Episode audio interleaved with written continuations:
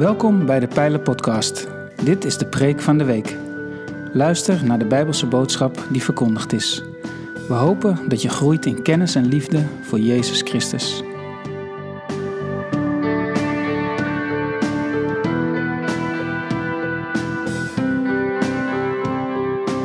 Met een vingertip hebben we toegang tot een eindeloze stroom verslavende informatie. Toegang tot informatie is nog nooit zo gemakkelijk geweest, maar het verwerven van wijsheid wordt steeds moeilijker. In een poging om ons te helpen een gebalanceerder en gezonder dieet van informatie te consumeren, heeft Brett McCracken de piramide van wijsheid gecreëerd. Geïnspireerd door de voedselpiramide, die we in Nederland kennen als de schijf van vijf. In de pijler denken we zes weken lang na over elk van deze lagen uit de piramide. Ik heb het voorrecht om uh, vanmorgen met jullie te mogen spreken over schoonheid. En de tekst die ik daarbij wil gebruiken is uh, Jesaja 30, vers 15. Dit zei God, de Heer, de Heilige van Israël. In rust en in inkeer ligt jullie redding. In geduld en vertrouwen ligt jullie kracht. Ik mag vandaag spreken over schoonheid in de piramide van wijsheid. Altijd leuk als je hier mag komen, dan word je opgedragen over een bepaald onderwerp te spreken. En dat vind ik altijd een eh, heerlijke uitdaging. Alleen, ik tikte in mijn computer schoonheid in. En ik ontdekte dat in de 40 jaar dat ik voorganger ben, ik niet één preek over schoonheid heb gemaakt. Dus, oeps. En een keurig boekje meegekregen, dat kan je natuurlijk wel gaan lezen en dan navertellen. Maar dat is natuurlijk niet de bedoeling. Dus ik ben naar de Heer gegaan en gaan nadenken over, wat is dat? En ik schrok in het begin een beetje van het onderwerp. Maar hoe langer ik erover nadenk, hoe blijer ik werd. Omdat het helemaal in lijn ligt met wat ik de laatste maanden eigenlijk ervaar, eigenlijk in de coronatijd zich ontwikkelt in mijn leven. En ik mag echt zeggen dat ik het gevoel heb ook dat het een profetische boodschap is. Vooral voor ons evangelische. Want we leven in een hele gekke en lelijke tijd. Natuurlijk zijn er heel veel mooie dingen, maar de spanningen die op ons gelegd worden, zijn toch wel een lelijke zaak polarisatie, afschuwelijk veel geweld. Je kan niet eens meer naar je voetbalclub of er is een hoop herrie en een hoop heibel. Wel of niet vaccineren, eeuwige discussies, mensen staan tegen elkaar op. Waardeloze toestanden, complottheorieën, bemoeienissen, dwang van de overheid. Noem de woorden maar op. Ik was er al aan gewend dat Wilders continue bescherming kreeg. En dat kon ik heel goed plaatsen. Want dat was een bedreiging vanuit de islam.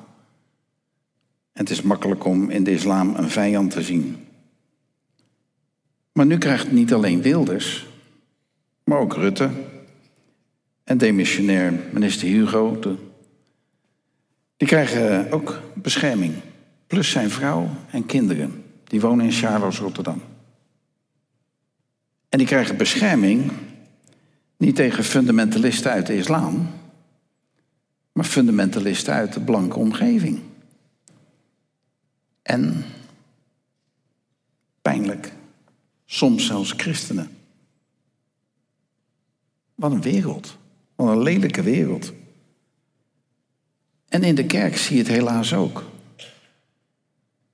Als je voorganger bent of leider bent, moet je oppassen wat je zegt als iemand begint te praten over wel of niet vaccineren. En ga je de politiek correcte antwoorden geven om maar uit de ruziesfeer te blijven. Dus ik kwam tot de vraag, wat is er nou aan de hand? Als kerk proberen we uit die corona-verbanning te komen. Meer dan een jaar mochten we niet samenkomen. Dus de goede vraag is, wat hebben we dan in die tijd geleerd? Wat heeft God tegen ons gezegd? was een spannende tijd. Met kunst en vliegwerk hebben we geprobeerd diensten vast te houden. Via het internet en noem maar op. Dat hebben we niet geleerd, dat hebben we gedaan. Maar wat hebben we nou geleerd in die coronatijd? En is het niet dat we allemaal teruggeworpen werden op je eigen relatie met Jezus? Waar zit Jezus bij mij in het plaatje als ik praat over al die ellende? Ik heb geleerd terug te komen bij Jezus, bij het hart van aanbidding. Zonder onderwijs, zonder samenkomen. Geen gemeenschappelijke aanbidding. Alleen Jezus en ik.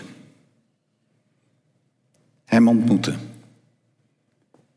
In de stilte. En die stilte is eng. Die is bedreigend, want dat roept alle onrust in me op. Maar juist in die stilte kan ik vrede krijgen. Dus ik ben in die coronatijd de stilte opnieuw gaan ontdekken.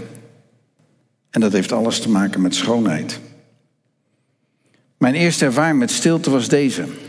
Ik was voorganger van mijn lokale gemeente, plus voorzitter van Raad van Nederland, dus ik had zo'n 30 kerken onder mijn hoede. Een tijd waarin ik dagelijks bezig was met Bijbelstudie, allerlei dingen en het werk van de Heer. En ik ontdekte dat ik heel veel bezig was met het werk van de Heer en wat minder met de Heer van het werk. En dat wist ik, maar ik zocht ernaar. En voortdurend zat ik in die valkuil van de Heer dienen betekent doen, doen, doen. Werken, werken, werken. Als een drukke Martha was ik bezig in de keuken van de Heer en vergat dat hij zelf in de woonkamer zat. Goede vriend van mij die zag dat allemaal die zei tegen mij: Sta jij nog wel eens stil bij een bloem? Sta jij nog wel eens stil bij de schoonheid van de schepping? Nou, daar heb ik een Rotterdamse antwoord op toen hij dat vroeg. Ik vond dat een vraag. En dan kan je alle lelijke woorden die je in de Rotterdamse dialect kan verzinnen, kan je invullen. Wat een oen, wat een stomme vraag. Ik ben toch druk bezig met de Heer? En heb ik wel eens gekeken naar een klaproos. Maar het integreerde me. Ik ontdekte dat ik jarenlang de schoonheid van een klaproos niet gewaardeerd had, laat staan de schoonheid van een aardbei. Dat liet ik gewoon niet toe in mijn hart. Oh, een aardbei. Oh, een klaproos. Oh, wat een mooie zonsondergang. Maar erbij stilstaan. En de schoonheid is toelaten in je hart. Om dat te herkennen moet je namelijk eerst stil worden. Schoonheid komt tot je door de stilte. Ooit naar een museum geweest? Moet je naar binnen gaan met een trompet en, of met een gitaar. Wordt niet gewaardeerd. Mensen die de nacht willen bekijken, die willen in stilte daar naartoe komen. Stil worden en de schoonheid zijn werk laten doen. En ik was zelden stil voor schoonheid. Ik was altijd druk bezig met waarheid en ethiek. Die waarheid moet je natuurlijk wel brengen. En laten we eerlijk zijn. Waarheid en ethiek, de waarheid rondom Jezus, de ethiek van een christelijke levensstijl, dat, dat gaat de wereld toch redden. Of niet? Of redden we het niet met dat? Ik ben opgevoed in een wereld dat de wereld gered gaat worden met waarheid. Met het ware. Verum in het Latijn. Voor mij werd die waarheid zelfs een persoon, Jezus Christus. Maar heel veel van mijn doen was toch wel apologetiek, het verdedigen van ons geloof, de waarheid. Terwijl je toch ontdekte dat ook in alle christelijke stromingen er nogal een verscheidenheid van waarheid is. Vervolgens moeten we de wereld bereiken met onze ethiek. En dan praat je over abortus en al die dingen wat goed is. En ik ontdekte, ergens loopt er iets spaak. Ethiek, het goede, bonum. Als voorganger heb ik daar veel jaren aan besteed. Die twee dingen. De waarheid preken, mensen voor, En mensen voorgaan in de goede ethiek. En daar veel over nadenken. Ik zag dat ook als mijn roeping. Met een mooi iets dat Jezus de waarheid is als persoon. Maar ik ontdekte ook dat die waarheid en die ethiek de wereld niet redden. Dat er verdraaid weinig bekeerlingen komen. Dat de kerk er niet mee groeit. Dat het getuigenis ook niet groeit. Want mensen benaderen met waarheid, loop je het gigantische risico dat je zo verrekt te veel op die Jehovah's getuigen gaat lijken. Die niemand wil ontvangen. Dat onsympathieke werk van ik kom met de waarheid bij jou even binnen. Mensen wijzen op de ethiek, loopt vaak compleet stuk op ons eigen gedrag. Wat een geschiedenis hebben wij van misbruik en grensoverschrijdend gedrag in de kerk. En zegt dan niet, ja, dat zijn de katholieken of zo. Voor de niet-christenen zijn dat de christenen. En we moeten eerlijk zijn, ik weet niet of wij nou echt zo goed zijn. En er ontbreekt namelijk iets. Iets wat die sleutel tot leven roept. Waarheid en ethiek moeten levend worden, moeten kleur krijgen, moet gezien worden. Voor mij moet het tastbaar worden. Iets wat je zou willen omhelzen. Iets waarin je verbazing naar gaat kijken. En dat doet schoonheid. De schoonheid van de liefde van God. Of de schoonheid van de liefde die God is, dat is nog mooier gezegd. Is een sleutel waardoor de waarheid openbaring wordt en ethiek een levensstijl. In de Bijbel wordt die schoonheid van de Heer ook wel vaak de heerlijkheid of de glorie van de Heer genoemd. Kom met uw glorie. Wat bedoelen we daarmee? Nou, de schoonheid van God. Waarom vindt iedereen Jezus een mooie mens? Tot de meest uitgesproken ongelovigen. Waarom? En pas op dat je nou geen cognitief antwoord gaat geven. Ja, omdat dat, dat, dat, goede leraar en noem maar op. Want vaak weten ze niet eens wat hij gezegd heeft. Maar men zegt, het is een mooi mens. Behalve de zelfrechtvaardige fariseërs. Vindt iedereen Jezus een mooie figuur. Iemand om te bewonderen. Iemand om je erover te verbazen. Dat is wat schoonheid doet. En mijn hoop en geloof is dat God in deze lelijke tijd de kerk opnieuw wil leren de winnende, reddende schoonheid van Jezus te ontdekken en die uit te delen en uit te stralen. Als waarheid en ethiek bij ons gepaard gaat met schoonheid, dan wordt die waarheid niet een cognitieve waarheid, maar wordt een openbaring. Ik heb Jezus gezien en die is de waarheid voor mij. Kan je me volgen? Als schoonheid en ethiek samengaan, willen mensen zo ook leven.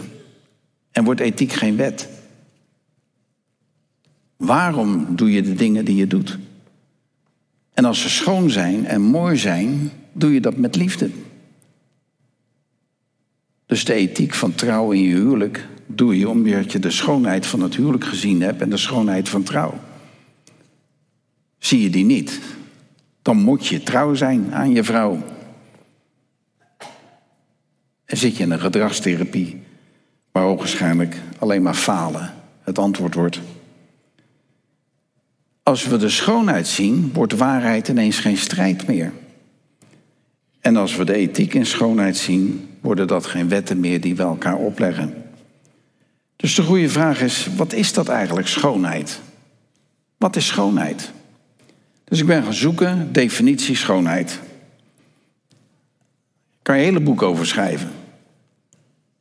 En het is erg moeilijk om een zin te vinden van dit is schoonheid. Schoonheid is heel moeilijk te omvatten in woorden. Waarom? Omdat schoonheid een zaak van het hart en van je ogen is. Van je ziel. Je ziet het. En je omarmt het. Ik heb een leuke vraag. En dat meen ik. Kan jij me uitleggen dat het mooiste, het schoonste, wat er ooit in de wereld heeft plaatsgevonden, een gemartelde man aan een kruis is? Ik val dan achterover. Nee, want dat is niet mooi. Ja, maar het is wel mooi als je ziet wat het is. En het is heel moeilijk om daar goede woorden aan te geven. Als het je geopenbaard wordt, wat daar werkelijk plaatsvond, zie je iets moois. Een misdadiger aan het kruis naast Jezus zag het. En denk er even over na. Een man die zelf veroordeeld wordt, hangt aan een kruis, kijkt naast hem, ziet een naakte, gemartelde man, vol van bloed, aan een kruis hangen en hij heeft iets gezien in hoe die man gekruisigd werd. En dan zegt hij, wilt u aan me denken in uw koninkrijk? Hij zag in een gemartelde man een koning. Hij zag in een gemartelde man aan het kruis die aan het sterven was, een koning die zijn troon besteeg en heerste. Ga er maar aan staan met je apologetiek. Ga het maar eens uitleggen. Of wanneer iemand het ziet, omhelst het en pakt het. Wat is schoonheid dan? Schoonheid heeft alles met goddelijke oorsprong te maken. Met schepping. Schoonheid is altijd geschapen. En het geeft de essentie van de schepper weer. En schoonheid verbindt ons altijd met de maker van iets wat schoon is. De klaproos verbindt mij met God, omdat het zijn schepping is. En de nachtwacht verbindt mij met Rembrandt. Dus schoonheid verbindt ons met de schepper of de maker. Of dat nou een componist is, een kunstenaar of de schepper van hemel en aarde. Daarmee wordt dus schoonheid iets spiritueels. En ik mag het hier wel zeggen, denk ik. Hè? Zelfs iets mystieks. Wat was protestanten de kerk uitgesodemieterd hebben. En dat meen ik. Dat doen we altijd zozeer. Waar is die ruimte voor het hart? Voor de geestelijke ogen? Want schoonheid is een helende, heilzame spiritualiteit. Vrij van moraliserende tendensen. Ze is namelijk niet gefixeerd op kwaad of op zonde, maar op de bron van het goede, de liefde zelf, die God is. Dus hoe en waar ontdek je schoonheid? Hoe kunnen we elkaar erin nou in gaan stimuleren? Nou, schoonheid wordt beleefd in stilte, in ontzag, in verbazing. En daarom roept de Heer ons op tot rust, tot sabbat. Sabbat is niet gemaakt om niet te werken. Nee, Sabbat is gemaakt om in die stilte te komen. En helaas hebben wij er wetten van gemaakt. Sabbat is om juist de tijd te nemen om de stilte zijn werk te laten doen. Toen ik die opdracht kreeg, ga eens naar een bloem kijken, een jaar of veertig geleden, ben ik dat gedaan. Man, man, man, wat was dat raar. Ik was in Spanje en ik ging naar een klaproos kijken. Nou moet ik wat gaan ervaren. Henk de Westeling, Henk, waar zijn hoofd helemaal in de knoop zat.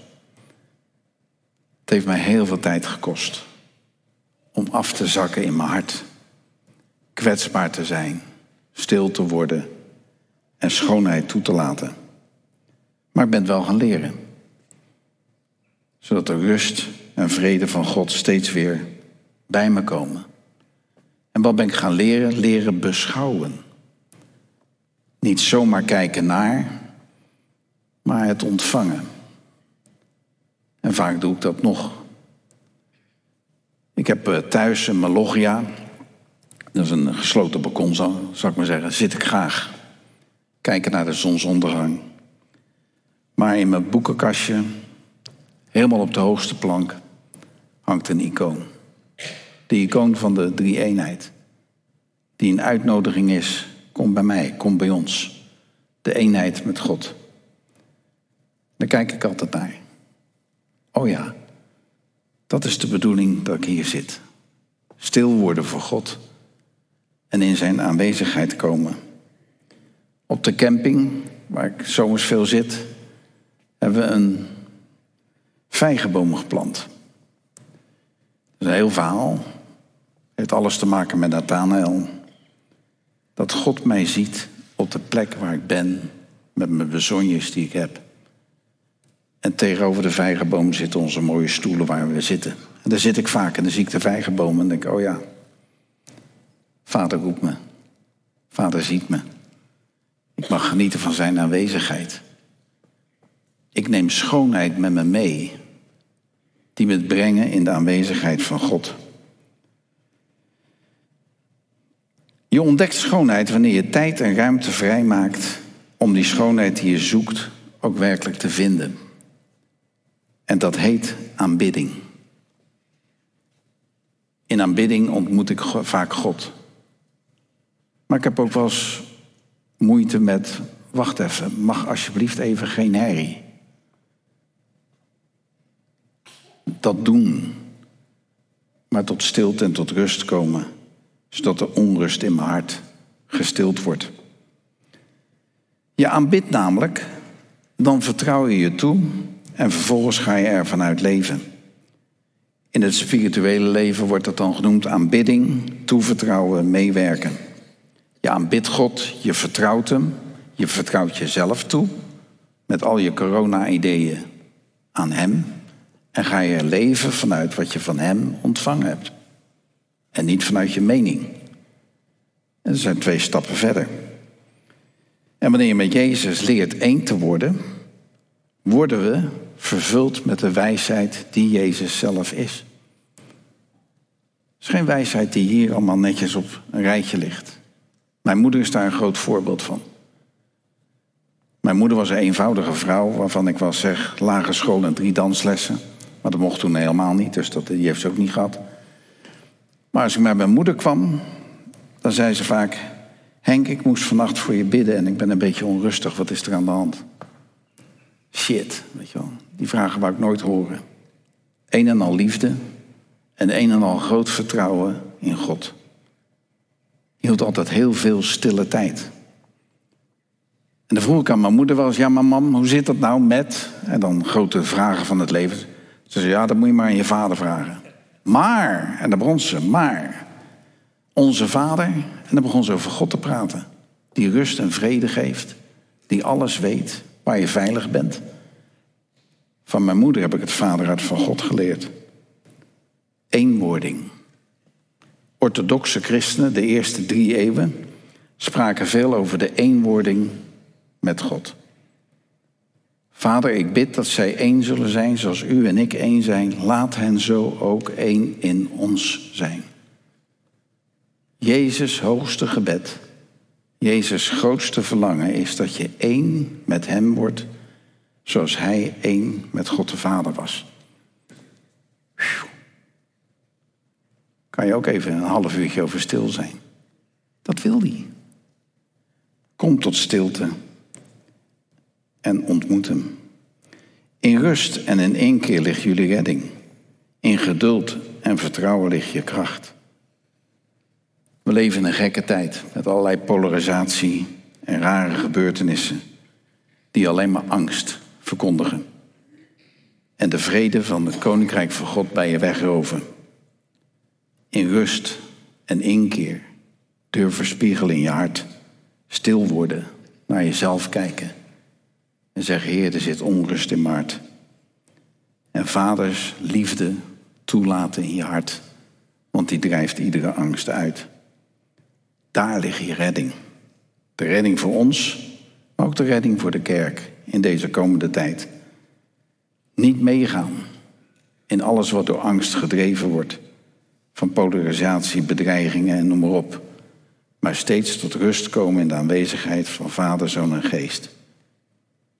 Als drukke, angstige Martha's eerst aan de voeten van Jezus komen. In dat verhaal van Martha staat nergens dat Martha fout bezig was. Ze zegt iets tegen Jezus over de zus en dan zegt Jezus, je zus heeft het goede gekozen, namelijk eerst bij mij te komen. Wat denk je dat Martha daarna deed? Die ging natuurlijk ook zitten. Die uitnodiging. En toen ze tot rust bij Jezus kwam, gingen ze vanuit die rust haar werk doen. Dat hebben we allemaal nodig. De profeet Jezaja zegt er eentje verderop iets prachtigs. Dan zal gerechtigheid vrede stichten. Ze brengt rust en vertrouwen voor altijd. Ik geloof dat God, en dat is mijn profetisch woord, iets wat ik echt de tijd al heb ontvangen, dat we de kerk wordt opgeroepen tot rust en inkeer te komen. God ontmoeten in stilte, zodat angst en kwaad weggeworpen worden. Leren de stilte te gaan beoefenen. Schoonheid van de Heer kan je bewonderen en de vrede van God komt zo in jouw hart via die weg en mag je uitdelen. Schoonheid zoeken in stilte. Het gebed erbij halen. Vader, wat een mooie zonsondergang. Uw aanwezigheid is hier, ik zie het. En tot rust komen. Het is eigenlijk niets anders dan steeds weer terugkeren bij de essentie van wie en wat onze schepper is. En daar zitten onze wortels. De vrede van onze Heer, zijn rust, is met jullie en beschermt jullie. Dus zoek die vrede en laat de schoonheid van de Heer over je lichten, zodat Zijn genade jullie deel is. Zullen we afsluiten met een luisterlied? Heer, ik dorst naar U. Ik verlang naar Uw aanwezigheid. Laten we luisteren.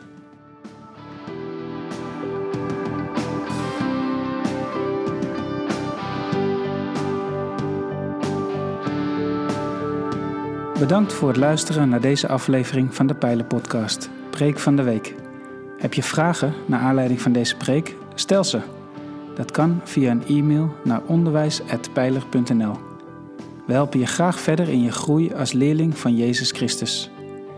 Abonneer je op deze podcast, zodat je altijd op de hoogte blijft van het onderwijs uit de Pijler. Goede week gewenst, ga in vrede, want God is nabij.